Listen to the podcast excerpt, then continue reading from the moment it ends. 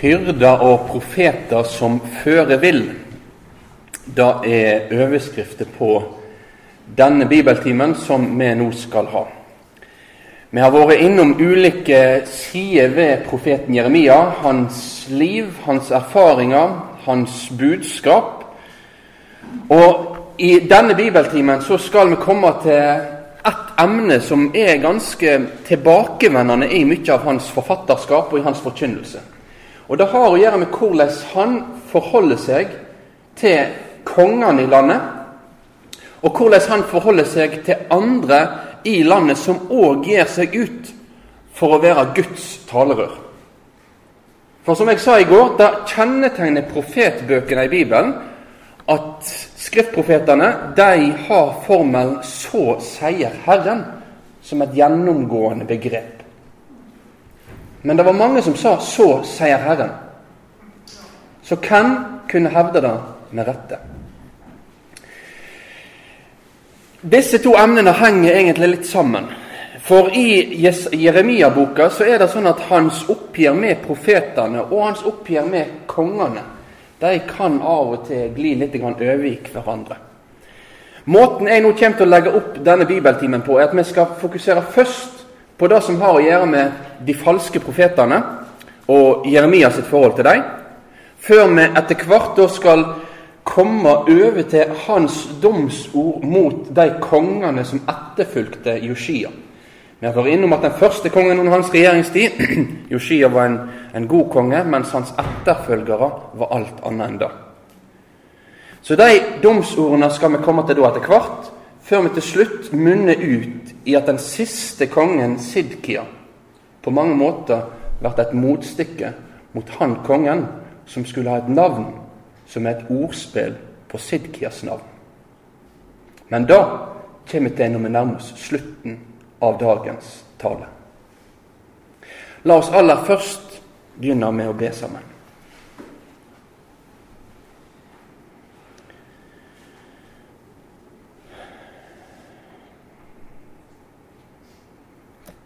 Gode Gud og Far.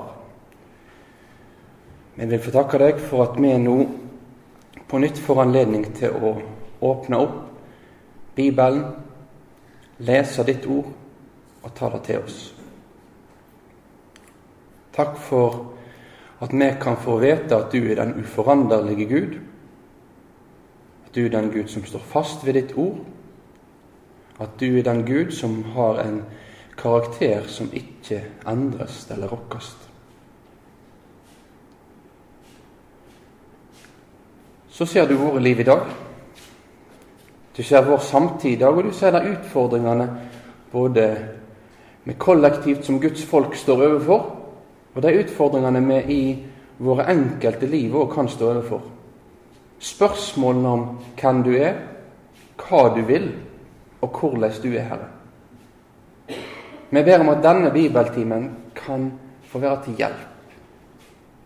Til hjelp for oss i dag òg, når det gjelder å navigere i vår tid. Herre, gjev du det som trengs til meg for at dette kan bli formidla, sånn at det kan være til forståelig og til hjelp. I Jesu navn du som er Han som i går og i dag er den samme, vil være der til evig tid, ber vi. Amen.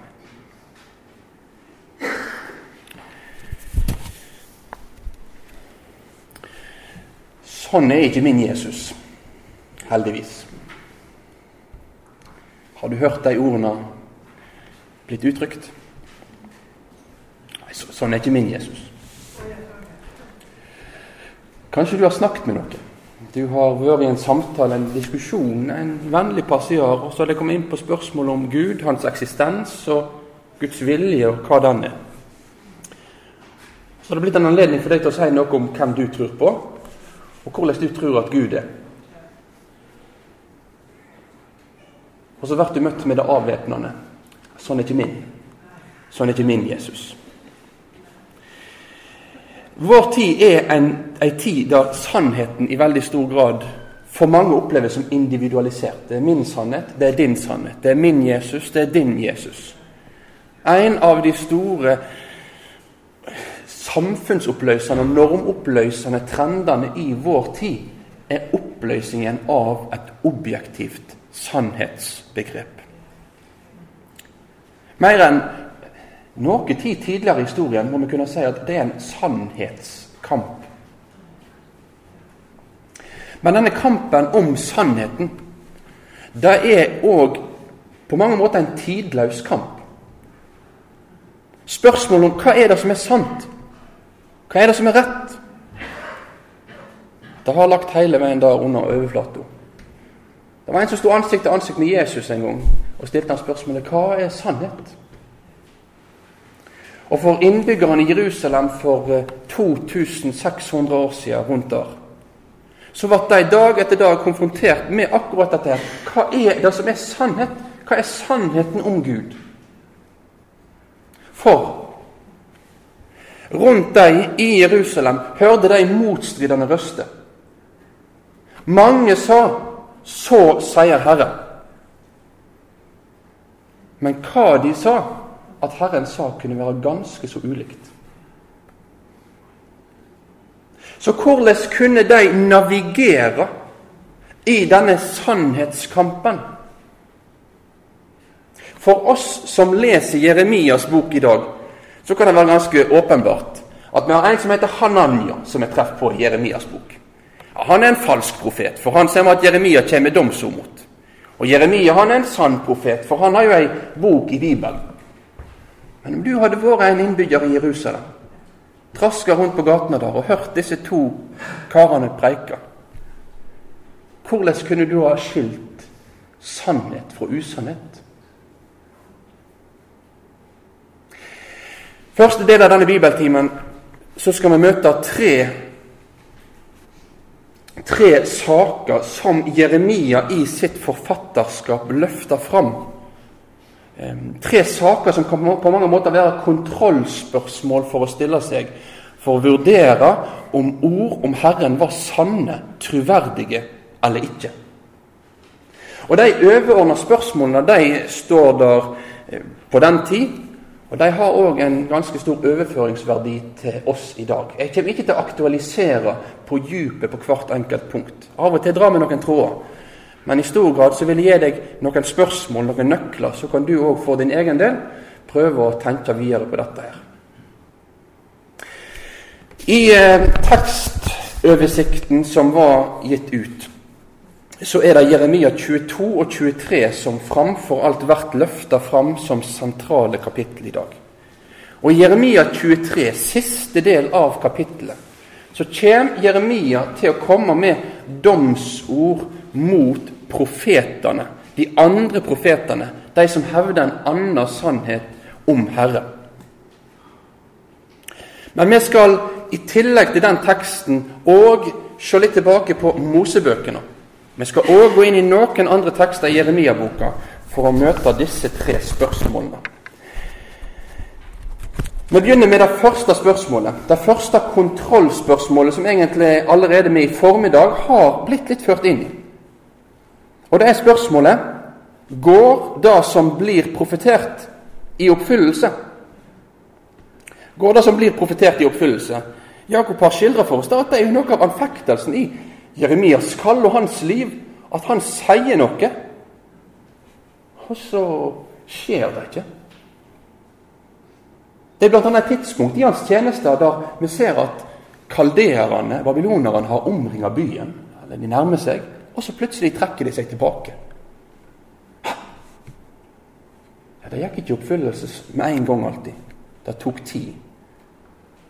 Men dette første eh, spørsmålet, dette første kravet om en profeti går i oppfyllelse, det er likevel helt grunnleggende, helt avgjørende og viktig i Bibelen. Moseloven, som jo er basis for vår forståelse av resten av Bibelen, Moseloven som er utgangspunktet for Jeremias forkynnelse, lister dette opp som ett sentralt punkt når det gjelder å skilje mellom sanne og falske profeter. I 5. Mosebok, kapittel eh, kapittel 18, eh, så står det i vers 19 av utover. Den som ikke hører på de ord han taler i mitt navn, han vil jeg kreve til regnskap. Det er snakk om en profet som skal komme. Men så kommer det etterpå. Våger en profet å tale noe i mitt navn som jeg ikke har sagt, eller taler han i navnet til andre guder, da skal den profeten dø. Det kan hende at du sier i hjertet ditt hvordan veit vi at et ord ikke kommer fra Herren? Så står det om profeten taler i Herrens navn, men det han forkynner, ikke hender, og ordet ikke blir oppfylt, da er dette et ord som ikke er fra Herren. Så det var faktisk ei grunnleggende rettesnor for folket. Blir noe sagt, og så skjer det ikke. Da skal du se at det som, eller det, den budbæreren som har båret dette fram, han er ikke en troverdig budbærer.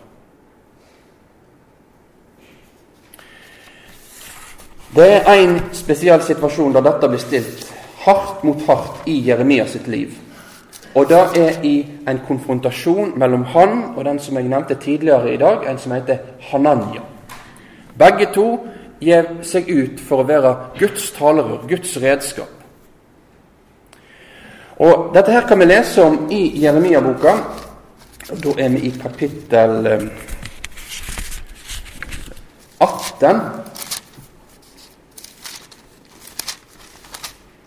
beklager, ikke litt lasten. Jeg har notert feil henvisning her.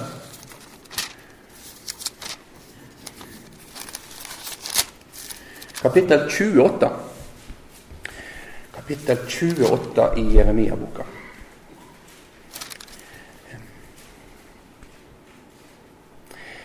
Denne Hananya han, han sier rett ut at i en kritisk situasjon der israelsfolkene opplever at babylonerne strammer grep om byen og folket, de har begynt å bortføre en del av de som har bodd i landet, så sier Hananya før to år er gått, fører jeg tilbake til denne staden alt utstyr fra Herrens hus som babelskongen Nebukadneser tok med seg herifra og til Babel.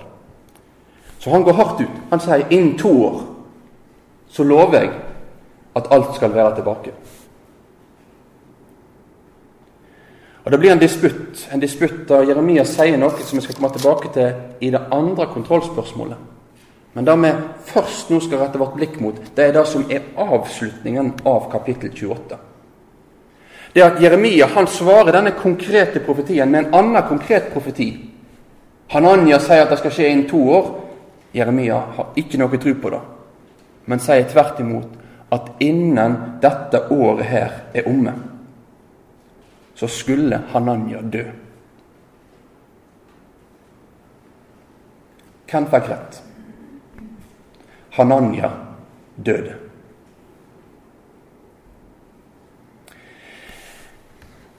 Dette var det første spørsmålet som israelsfolket kunne stille seg. Går det i oppfyllelse? Blir det som det er sagt? Men dette er ikke et tilstrekkelig krav for å kunne skilje sant fra usant. Ei blind høne kan finne kodden. Og En person som sitter og tenker på jeg lurer på hva som skal skje i morgen, kan òg av og til treffe når han skal forutse framtida. Og Dette advarer òg Moses om i Moseloven. At om det er sånn at en person kommer og hevder det ene eller andre, da går i oppfyllelse, og så kommer denne personen og sier Kom, la oss følge avgudene. Da skal ikke du høre på den personen. Da skal den personen dø. For det er faktisk med et sånt alvor eh, Moseloven behandler de falske profetene.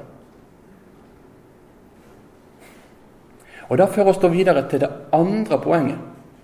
Det andre sentrale poenget når vi skal skilje mellom de sanne og de falske profetene, det er hva teologi forkynner profetene. Hva teologi forkynner profetene?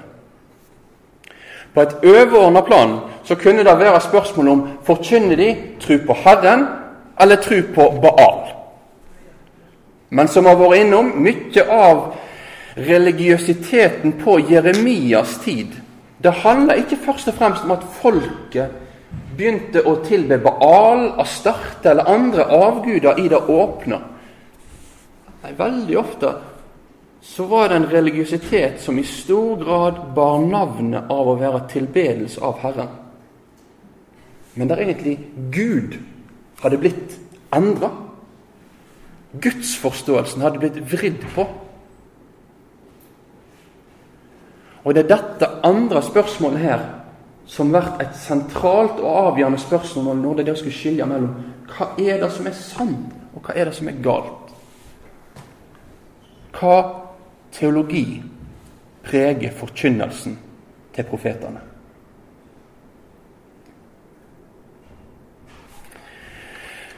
Hva teologi preger forkynnelsen til de som Jeremia omtaler som falske profeter?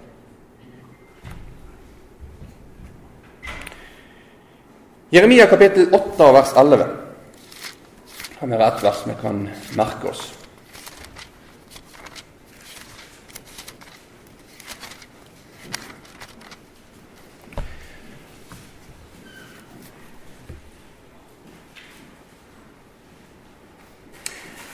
Lettvint leker de bråtet hos folket, mi dotter. De sier fred, fred, men det er ikke fred.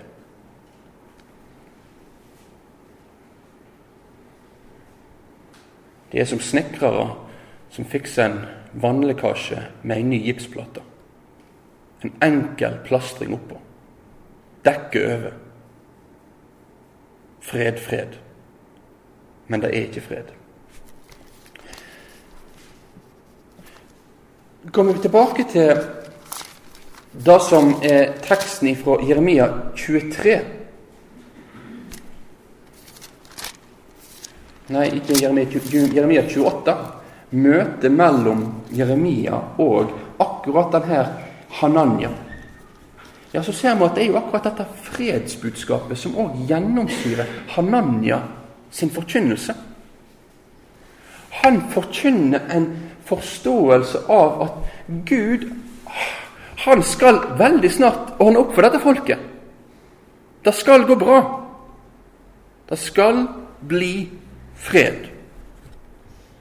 Gud vil aldri svikte sin by. Og Jeremia 23 og vers 17 skal vi se at de falske profetene de blir kjennetegnet ved at de sier til de som forakter Gud, det skal ha fred og til alle som følger sitt egenrådige hjerte, ikke noe vondt skal komme over deg. Her blir faktisk adressaten for budskapet poengtert for oss òg. For vi kan se at det er tid i Bibelen da profetene forkynner fred. Forkynner trøst. Forkynner håp. Tenk dere på Jesaja 40 utover. Men forskjellen er hvem har sagt det? Blir det forkynt til botferdige eller ubotferdige? Blir det sagt fred og ingen fare til mennesker som vil forherde seg, stå fast i sin synd og ikke vende om til Herren? Eller til mennesker som trenger nåde? Her ser vi da at kanskje er det ikke så veldig vanskelig å dra trådene over til at aktualiteten for oss og for vår tid da kan bli veldig stor. De falske profetene hadde mye godt å si om fred. Mye varmende, trøstende ord. Men alvoret, dommen, Guds kall omvendelse, det var en saga blått.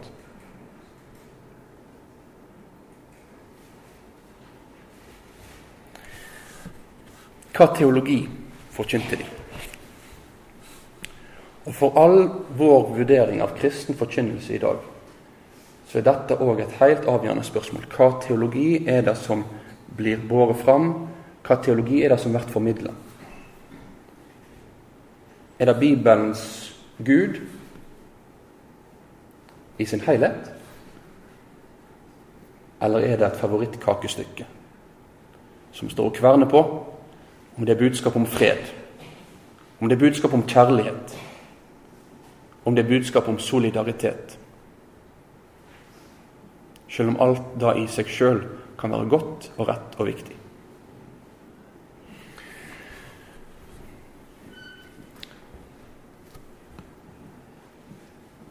Hva teologi blir forkynt? I denne sammenhengen òg så er det én videre kommentar som jeg vil gi. For når Jeremia skal konfrontere Hananya, og når folket på den tida òg skal reflektere rundt hva, hva framstilling av Gud er det egentlig som er sakssvarende? For begge framstiller jo Gud. Begge framstiller noe av hva Guds vilje er. Når de drøfter hva er det som er en saksvarende framstilling av Gud, så skal vi merke oss hvordan Jeremias bok bruker hva som har blitt sagt før om Gud, som et avgjørende kriterium.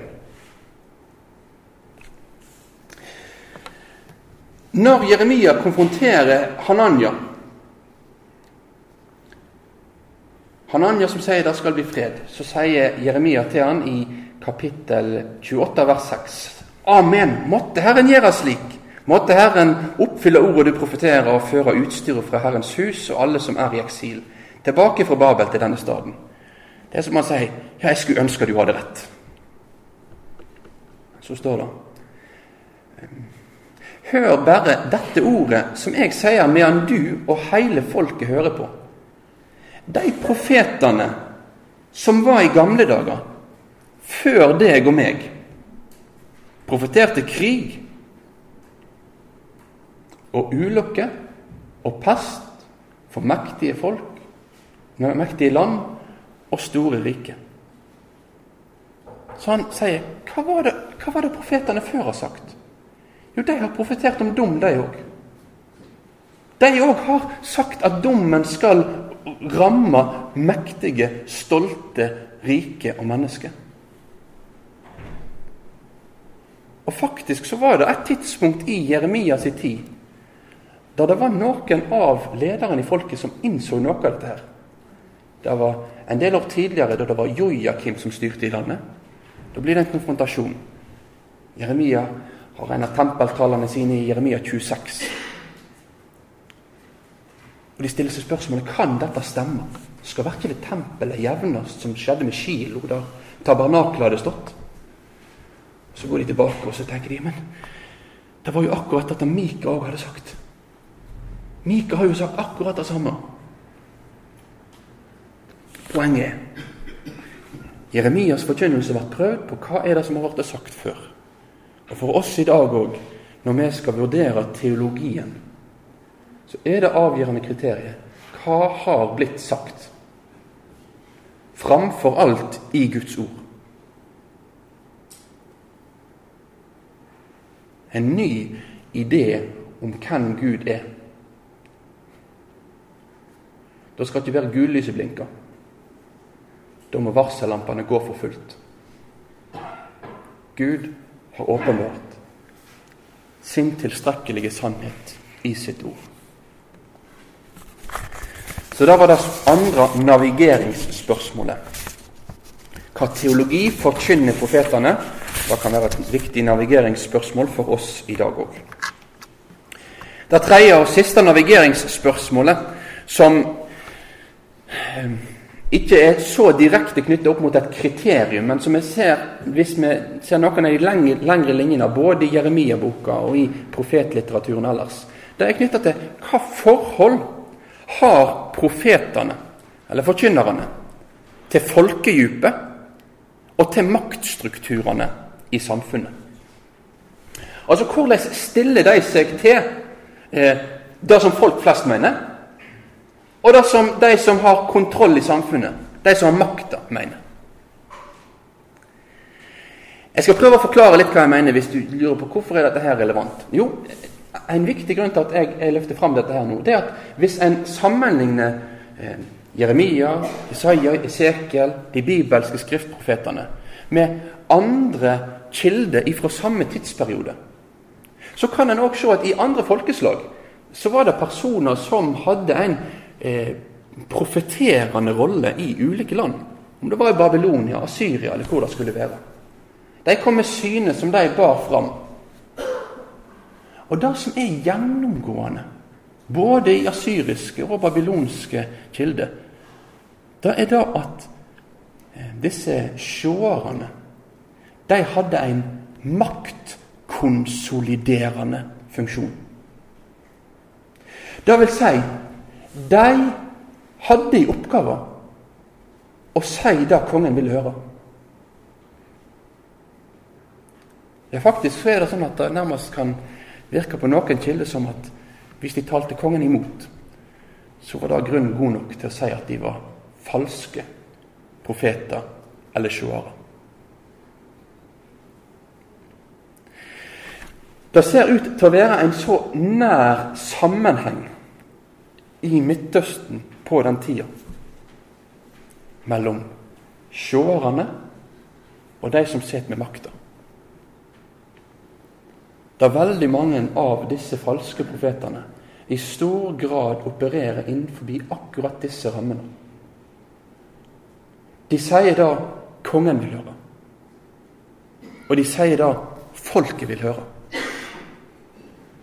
Det er det som er det styrende. Hva er det som kan bli populært? Hva er det som kan, kan eh, gi folk det de har lyst på nå, det de trenger nå, det de opplever at hadde vært godt å få høre nå? Eller hvordan kan jeg styrke, eller i alle fall bevare min posisjon som en venn med kongen, han som styrer? Så sier de det de tenker at skal sies.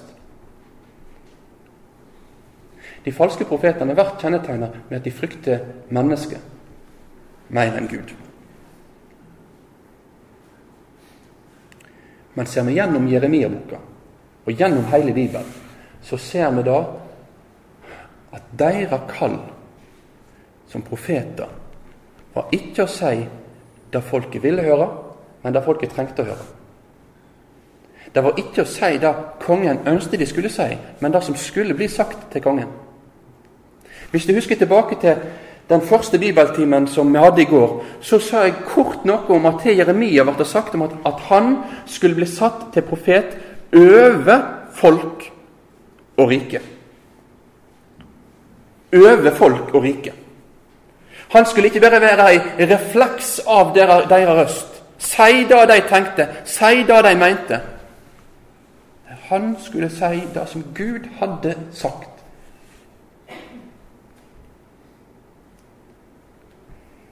Så kan det være tider i historien da vi ser at når det er gudfryktige konger i Israel, så har de et nært forhold til gode profeter. Det er bare å tenke på eh, kong Hiskia og Jesaja. Jesaja har en slags sånn hoffprofetrolle, iallfall i, i deler av Hiskias regjeringstid, ser det ut til. Så det er ikke sånn at profetene er mot makta bare for å være mot makta. Poenget er at de er Guds talerør overfor alle maktstrukturer. De er den allmektiges røst inn mot alle avleda makter.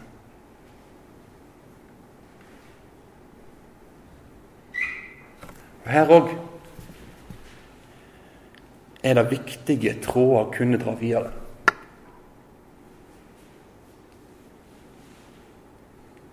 Guds folk i dag.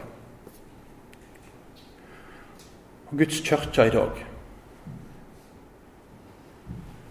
er ikke kalt til å si det folk vil høre. Det statsministeren vil høre. Men det som Gud har sagt. 2. Timoteus brev beskriver den tida som skulle komme, når en skulle ta seg lærere i hopetall ettersom det klødde de i øra. Til Timoteus ble det tydelige ordet gitt inn i denne sammenhengen. Timoteus sitt kall, sitt ansvar, var da å forkynne ordet. Å forkynne ordet. Så det er det tredje punktet. Forholdet til maktstrukturer. Sier en det som folk vil ha sagt, eller det som skal sies? Flere kjennetegn kunne vært gitt. Og Vi kunne gått inn på både livsførselen til dem, vi kunne gått inn på ulike måter de hevder at de fikk budskapene sine på. Men disse tre spørsmålene her, eh, forholdet til om det går i oppfyllelse, teologien og maktene, det kan være viktige navigeringspunkt for Guds folk til enhver tid. Men når vi nå da beveger oss inn på det som Jeremia har å si til de mektige i samfunnet, ja, da nærmer vi oss det som har å gjøre med hans budskap til kongene, til de som styrte eh, fra trona i Jerusalem. For i Jeremia kapittel 22 så har vi en samling av domsord. Egentlig begynner det i kapittel 21 domsord knytta til de ulike kongene som kom til å regjere i Jerusalem etter at Joshia hadde regjert der. Det er domsord som er knytta til eh, Shalum eller eh, Joakas. Han har begge navn. Det er domsord som er knytta til Jojakim, som er han som styrte i elleve år, i ganske lang tid. Det er domsord som er knytta til Jojakim, eller som han her i Jeremia 22 vært omtalt som Konja, eller andre plasser i Jeremia Jekonja. Og så er det domsord som òg på mange måter rammer den siste kongen, kong Sidkia. Alt dette her blir dratt sammen og oppsummert i Jeremia 23 og vers 1-2.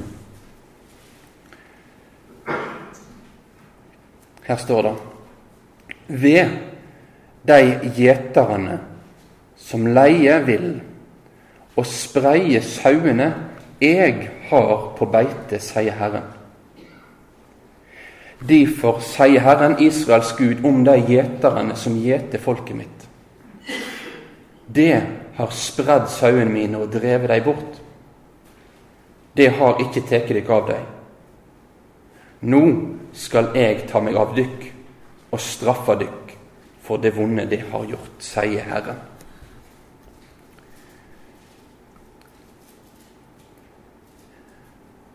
Her plasserer Herren kongene, eller gjeterne eller hyrdingene, inn i et forhold til Han som er den store overhyrden. Det er Gud som har sine sauer på beite. Men så er det noen han har gitt ansvaret her på jord for å være hyrder, for å vokte dem for fiender, for å lede dem til der det er godt beite. Vi skal ikke gå inn på så mye når det gjelder forholdet prest, profet og konge i Det gamle testamentet, men vi ser at til sammen som har disse tre ulike ansvarsområder knytta til det å legge til rette for de ytre rammevilkårene for israelsfolkets liv med Gud. Men det som kjennetegner både Joakas, Jojakim, Jojakin og Sidkia, det var at de ikke lå til rette for at folket skulle leve med Gud. De lå til rette for at folket skulle forlate Gud. Og Domsordene mot de ulike kongene går forut. Vi skal ikke gå inn i detalj på alt. Men det er én sak kort jeg vil nevne, og det er knytta til kong Jojakim. For om kong Jojakim så står det i kapittel 22 vers 13. Ved han som bygger sitt hus med urettferd, sine loftsaler med urett. Han let sin neste arbeider uten betaling, og gjev han ikke lønn han skal ha. Og i vers 17.: Men du har ikke auge og hjarte for anna enn urett vinning, for å ausa ut uskuldig blod for å undertrykke og mishandle.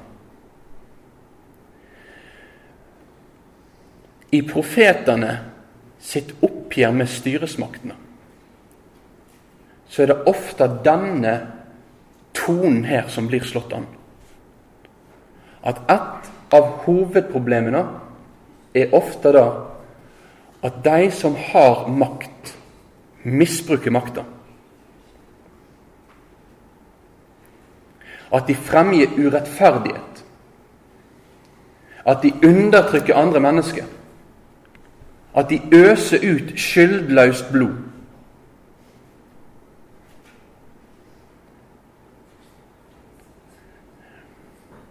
Maktovergrep er ingen liten sak i Det gamle testamentet.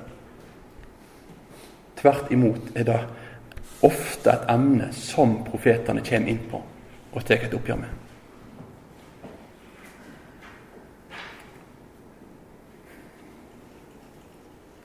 Joakim ville ha mer. Mer rikdom, mer lønn, mer penger.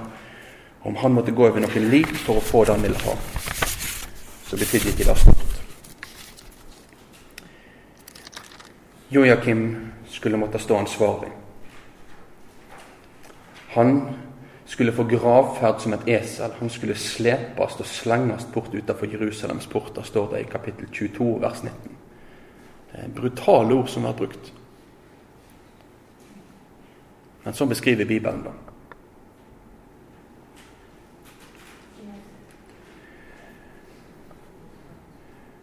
Gud holder lederne ansvarlig.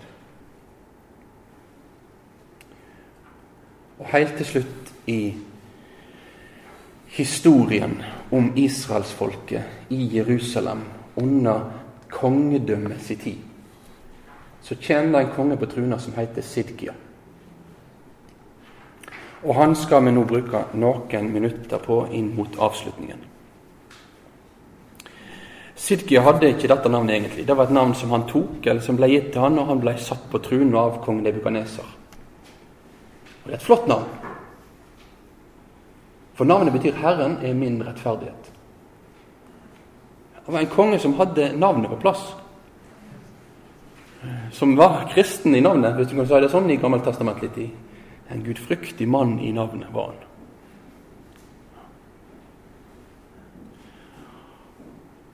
Og han møter med gjennom historien som han som mer enn noen han kommer nå til å både fengsle Jeremia og sette i stand store utfordringer for Jeremia. Og Samtidig er det det merkelige med han at kanskje mer enn noen av disse andre kongene så får vi et innblikk i at han igjen og igjen og igjen får høre Guds ord. For samtidig som han har et innbitt fiendskap mot Jeremia, så klarer ikke han å fri seg fra tanken at 'jeg må høre noe fra Jeremia'.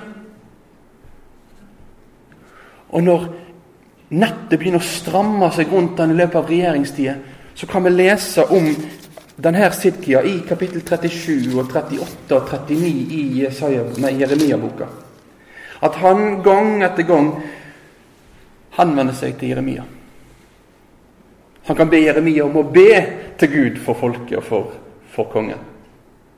Han kan igjen og igjen spørre han, har du noen ord til meg ifra Herren. Og Sidkia får ord. Sidkia får budskap ifra Herren.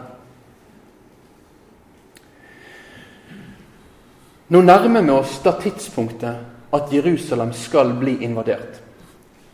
Gud har i generasjon etter generasjon etter generasjon sagt at dette skal komme til å skje.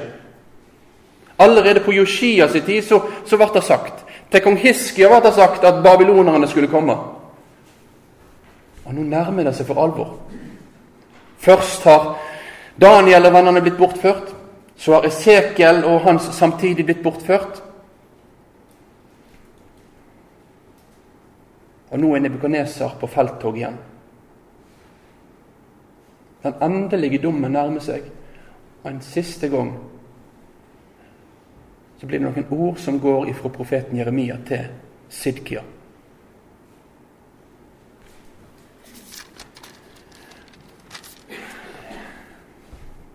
I Jeremia kapittel 28 vers 17 så blir det sagt noen vers som på mange måter Jeg må si at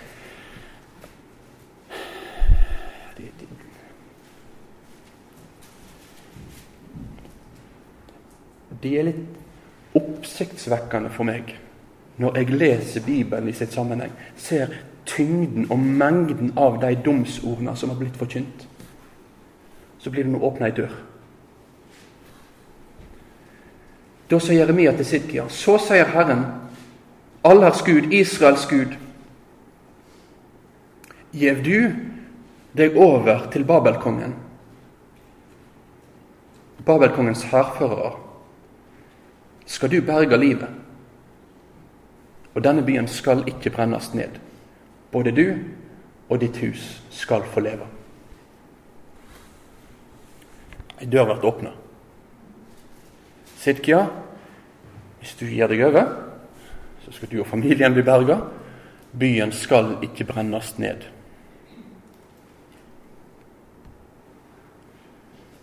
Det er en konge som blir kalt til å gi seg over for sitt folk.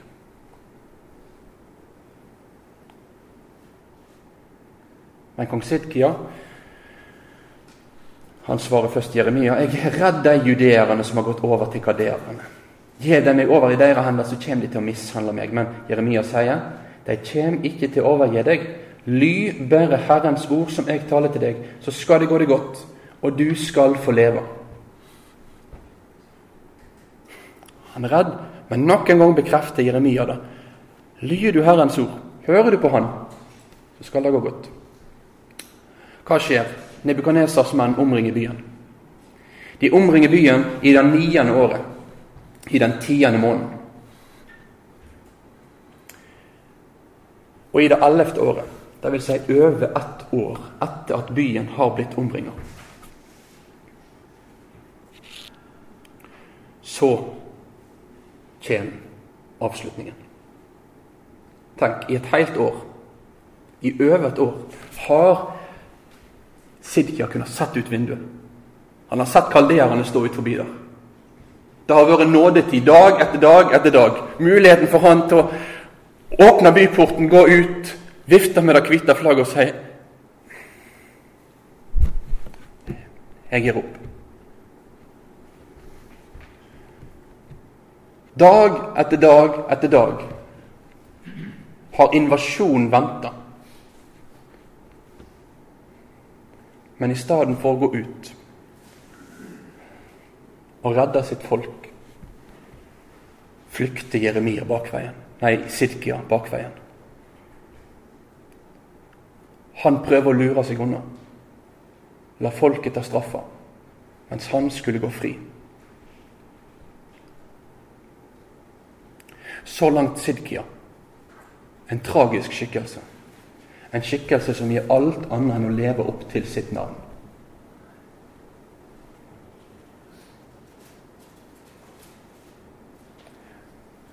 Han var den siste kongen som satt på truna i Jerusalem. Den siste kongen som regjerte over Juda. Den siste kongen i Jeremias levetid. Men Jeremia løfta blikket mot at det skulle komme en ny konge. Vi var litt innom han i går. Jan nevnte for oss de linjene som blir dratt mellom Jesaja-boka og Jeremia-boka. Det er treet som blir hogd ned, men hvordan det er en spire som skal skyte opp. En ny konge som skulle komme, som skulle bære navnet Herren, vår rettferdighet. Da har du de to kongene. Herren, min rettferdighet var Sidki. Han levde ikke opp til navnet. Men her kommer han som skulle ha navnet Herren, vår rettferdighet. Og Jesus Kristus viste seg å være alt det Sidkia og alle de andre kongene ikke var. Han var den som ikke sneik seg ut bakveien og ofra sitt folk i sitt sted. Men han var den som sjøl gikk ut av byen, bar skammen, bar synda, og tok sitt folks synde på seg. Han stilte seg fram og bar dommen for sitt folk.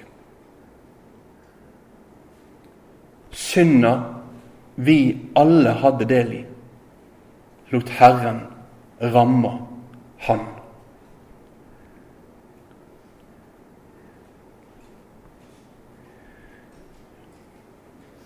Jeremias bokas budskap er kålsvart knytta til samtidas konger.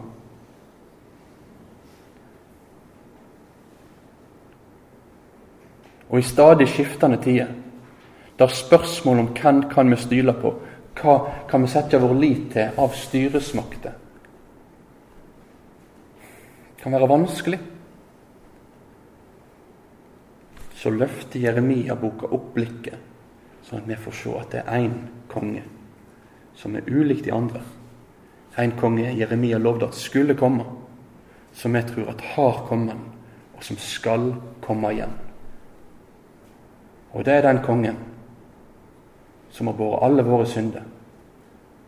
Den kongen som gir oss del i sin fullkomne rettferdighet ved tro på Han. Det er den kongen som er håpet. For hver som venner seg til ham med sin synd, så er det håp å finne. Amen.